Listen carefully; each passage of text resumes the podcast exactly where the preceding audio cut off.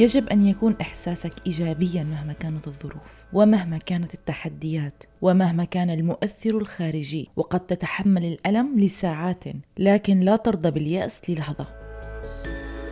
ضيفتين لليوم رح يكونوا معنا بحلقة اليوم. نادين وأمها مريم. رح يحكوا لنا حكاية مفصلة عن أمها لمريم. يعني ستها لنادين. أصيبت بالسرطان. رح يخبرونا كل شي بالتفصيل وكيف اكتشفوا المرض.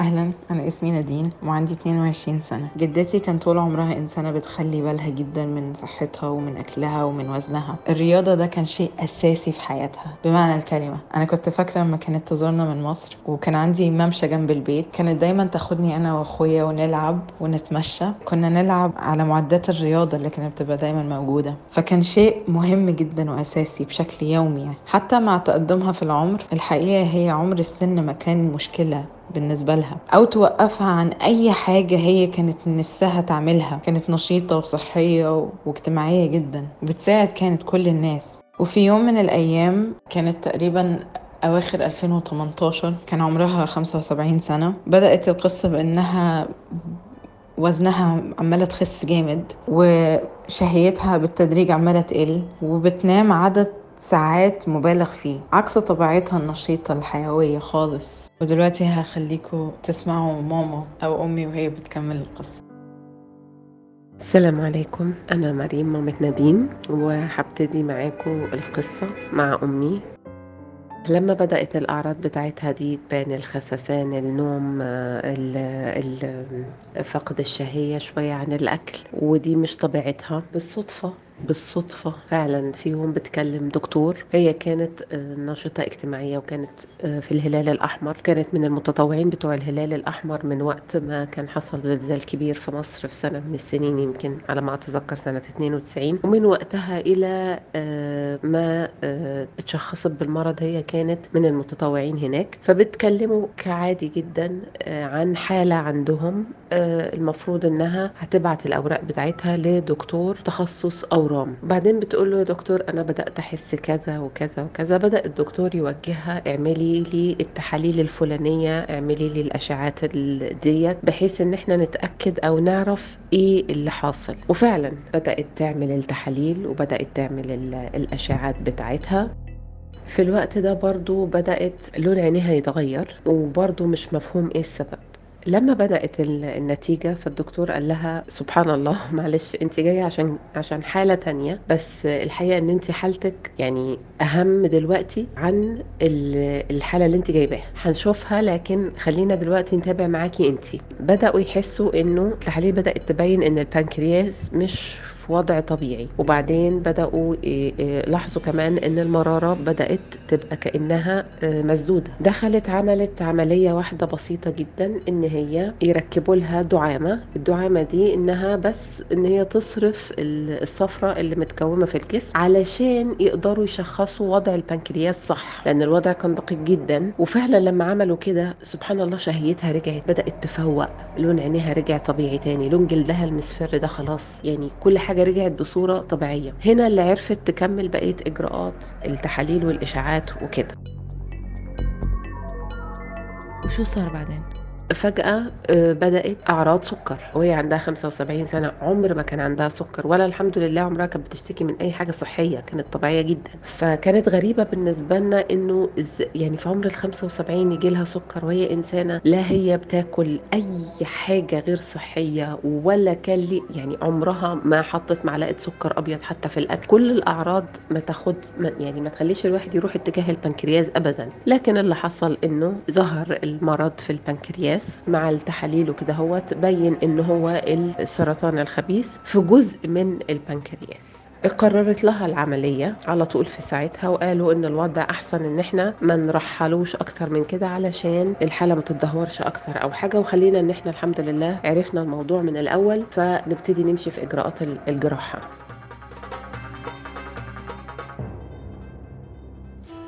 يوم 15 واحد سنة 2019 دخلت غرفة العمليات الساعة سبعة ونص الصبح. بعدها بشوية الدكاترة بعد ما بدأوا الإجراءات الجراحة قفلوا لأنه اكتشفوا إن الوضع مش زي ما هم كان باين معاهم في السيتي سكان اللي اتعمل أو في المسح الذري أو أو الاشعات والتحاليل الوضع متفاقم أكتر من كده. ومع هذا فضلوا يفكروا يفكروا يفكروا في قلب العملية على طول وربنا سبحان الله ألهمهم يدخلوا عن طريق حاجة وتتفتح من طريقة معينة في حتة معينة بعيدة عن المنطقة اللي متصابة ويبدأوا يشتغلوا شوية شوية لأن المعروف أن السرطان الخبيث بالذات ربنا يحفظ الجميع مجرد ما بتفتح فهو بينتشر قدامهم الخلايا بتتكاثر على طول في ساعتها.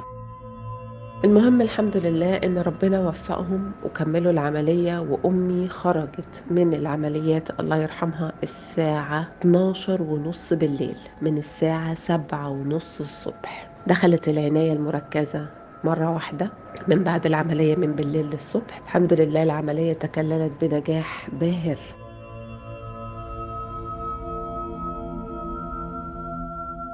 فعلا ما كناش مصدقين السرعة اللي طلعت بيها بفضل الله من العناية المركزة لغرفة عادية. بقت كل الدكاترة بقوا بيقولوا لها انت يعني سبحان الله انت في حاجة لله. مستحيل مستحيل اللي حصل دوت ان إحنا نفتح وإن إحنا نقرر إن إحنا نقفل تاني وإن ربنا يلهمنا في قلب العملية إزاي نبتدي الموضوع بطريقة تانية غير البلان اللي متخطط ليها إن العملية هتتعمل لك كذا كذا كذا كذا. لأن لما فتحوا واللي عرفناه بعد كام يوم من من العملية بعد ما فاقت ونزلت أنا وإخواتي آه، للدكاترة بقى تحت علشان نعرف إيه بالظبط الوضع بدقة. فالدكتور بصلنا كده وقعد يعني قال لنا مش عارفة أقول لكم إيه إحنا كنا بادئين القصة إنه في البنكرياس. وفي راس البنكرياس بمعنى أصح بدقة. اكتشفنا إنه آه، إحنا شلنا الراس بتاعت البنكرياس وفي حاجة اسمها آه، منطقة كده أمان يتشال بعدها بشوية بحيث إنه آه، يبقى كده متأكدين إن العضو بقى نظيف ومفيش أي فيه بقايا سرطانية أو حاجة.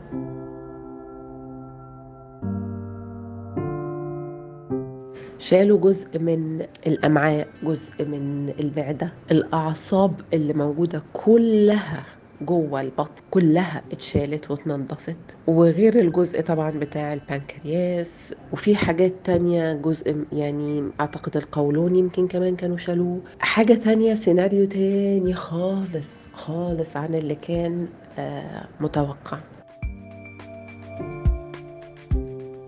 بعد كده بدأ الحمد لله يعني قعد قعدنا في المستشفى تقريبا في حدود 13 14 يوم. وبعد كده هو آه، طلعت بالسلامة وفضلت يعني بدأ بالتدريج يبقى في تحسن. طبعا الأكل بدأ يبقى لازم يبقى متقسم على خمس ست مرات مثلا في اليوم. إذا ما كانش أكتر لأنه لازم تاكل كميات بسيطة تندغ بالراحة لأنه حجم المعدة اختلف حجم الأمعاء اختلف. كانت على طول عندها شعور بالقيء على طول على طول. بدأنا بالتدريج يعني شوية شوية بدأت تقف تتحرك حاجة بسيطة تبتدي تمشي تروح تيجي تبتدي تستقبل ناس مرة تانية. لغاية ما بدأنا آه، الدكتور قرر إنه إحنا دلوقتي لازم نبتدي مرحلة الكيماوي.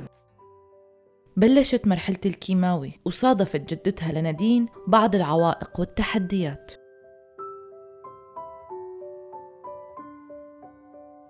بدأت مرحلة الكيماوي بس إحنا كان عندنا اتنين عائق قدامنا كبار جدا. نمرة واحد السن عندها 75 سنة. نمرة اتنين الوزن. هي داخلة العمليات 67 كيلو تقريبا أو 65 كيلو. عبال لما خلصت الجراحة وعبال لما بدأت الجرعات تبتدي كانت بدأت already تبقى حاجة و40 كيلو.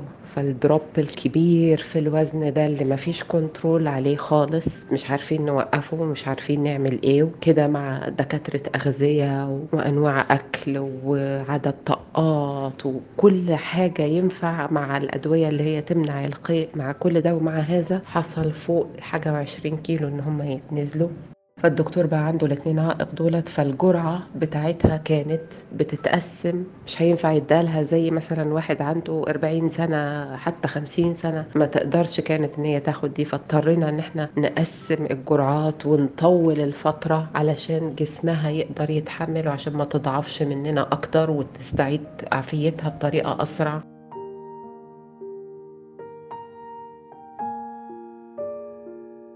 وبعد ما أخذت الجرعات هل تغيرت نفسيتها؟ طبعا في خلال الفترات دي كلها بقت عصبية آه، بقت حزينة جدا لأنه الحزن مش إنه تقصير من اللي حواليها. كنا كلنا الحمد لله أنا وأخواتي وخالاتي وأهلي كلهم يوميا إحنا معاها. إذا أخواتي ما حدش طاير فهو في البيت قاعد معانا. آه، لكن بدأت حزنها إنه هي كانت إنسانة نشيطة جدا إنسانة حيوية بتتحرك بتخدم الناس تليفونات ما بتقفش مساعدات تبرعات مستشفيات شمال ويمين سواء في القاهرة سواء في مناطق الصعيد سواء سواء. ففجأة حياتها دي وقفت. فطبعا ده أدى إلى بداية اكتئاب إنه أنا ما بقتش عارفة أتصرف لوحدي ما بقتش عارفة تعتمد على نفسها لوحدها مية في المية. حكاية الوزن بتاعها بقى مخليها على طول عندها. دايما كانت تقول تردد كلمة ما انتهتش من يوم ما عملت العملية لغاية ما رب العالمين اخد أمانته. أنا عندي وهن عندي ضعف.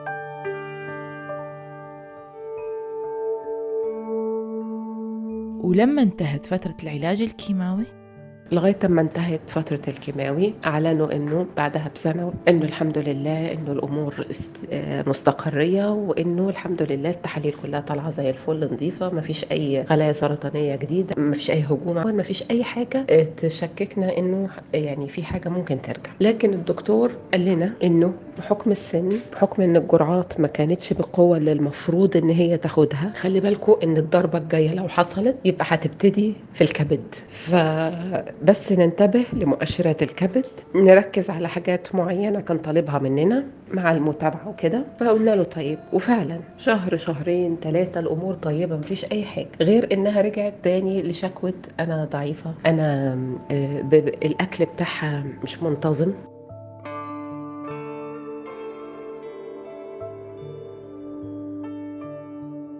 بدأت مرحلة الذاكرة تبتدي بالتدريج بعد ما كانت مركزة في كل حاجة عارفة كل حاجة متابعة كل حاجة رغم كل الظروف. فجأة تلاقي إنه تبتدي معايا مثلا أو مع إخواتي أو مع أي حد من أهلي تبتدي المكالمة وتقول حاجات ونتكلم ونخلصها ونقفلها. وقبل ما تخلص المكالمة نعيد نفس الموضوع تاني وهي كأنها مش مدركة إن إحنا خلصنا الكلام واتفقنا على اللي هنعمله أو إذا كانت أخبار بتتكلم فيها. بدأت الذاكرة عندها تختلف بدأ التركيز يختلف. ساعات النوم بقت مرعبة. عدد ساعات النوم بقى فوق الوصف عادي جدا تخش تنام مثلا واحدة الظهر. لو سبناها سبناها عادي ممكن تنام خمس ست ساعات في النهار وده عكس طبيعتها بالمرة. لكن إحنا كنا طبعا لازم إنه على طول نصحصحها عشان دواء السكر علشان الغذاء بتاعها. علشان ما ينفعش تفضل نايمة الساعات دي علشان ما تتوهش مننا بسرعة. فكنا فكانت حتى هي تبقى حبيبتي زعلانة مننا أنتوا ليه مش عايزين ننام أنتوا ليه مش عايزين تسيبوا نقول لها لا لا اقعدي معانا اتكلمي تعالي يلا البسي نحاول نمشيكي كده حتى بالعربية تغيري جو مش يعني كنا بنحاول نرفع معنوياتها لأن نصيحة للواحد ممكن يقولها من الحاجات اللي عدينا بيها دي النفسية النفسية النفسية والرعاية والاهتمام بيفرق مع مريض السرطان.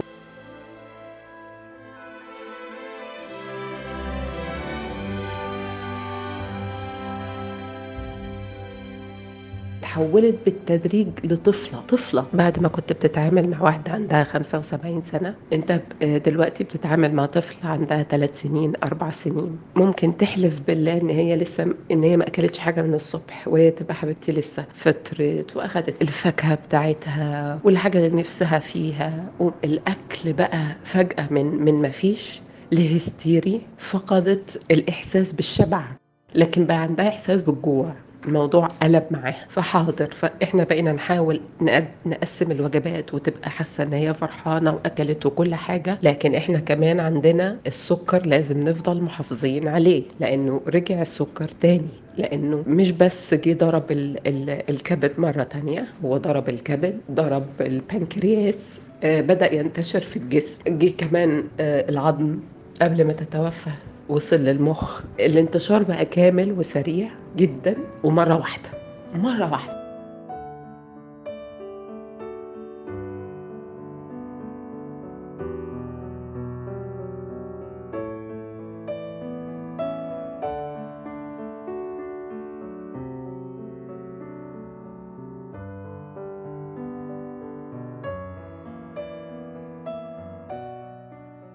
الجدة توفت. بس قبل ما تتوفى صار شي معها وبعدها فاتت على الغيبوبة. يشاء العليم كمان إنه طبعا الكبد مسدود فحصل استسقاء ففي يوم وهم بيسندوها ومودينها المستشفى بالغلط تقع.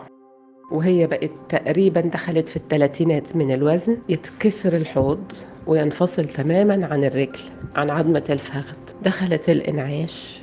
وبقت من إنعاش لغرفة من إنعاش لغرفة آخر آخر 15 يوم من حياتها بعد كده بقت تدخل في غيبوبة وتقعد بالأيام يعني بالأيام تصحى تبص لك ممكن تضحك لك ممكن تعرفك ممكن ما تعرفكش ممكن حتى لو عرفتك هتنادي اسمك غلط. آه، ما بقتش تعرف تعبر هي عايزة إيه. بقت طفلة طفلة تماما تماما. طفلة لسه مش عارفة تقول حاجة. وبدأت آه، علشان مثلا عايزة تفهمك مثلا بطنها بتوجعها ممكن تنادي اسم حد وتقول له اوعى اوعى نفضل إحنا نحاول نفهم في إيه لغاية ما ربنا سبحان الله سبحان الله بيبقى فاتح إدراك الواحد في اللحظات دي بطريقة يعني كأنه بيطبطب عليك إن إحنا على الأقل نبقى فاهمين هي عايزة تقول إيه عشان نقدر نساعدها أو نخفف عليها.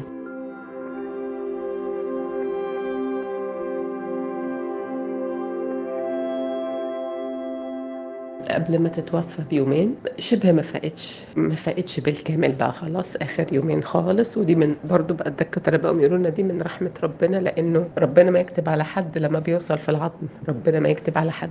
الالام بتاعته بتبقى ما فيش احتمال وما فيش أي مسكنات ولا أي مهما قوة الترامادول ما ترامادول أي حاجة مسكنات لمرضى السرطان بيقول لك لغاية العظم وما ربنا يعني وبعدين كمان كان وصل للمخ فخلاص يعني ما فيش ما فقط انتهى الموضوع انتهى.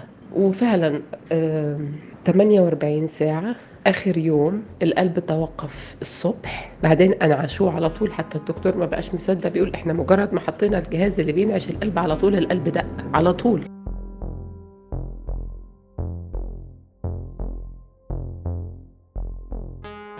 بعد كده الدكتور نادى أخواتي وقال لهم طالما العلامة دي حصلت يبقى نتوقع. يا إما هي هتمشي بالليل أو بالكتير بكرة الصبح. وفعلا ده اللي حصل.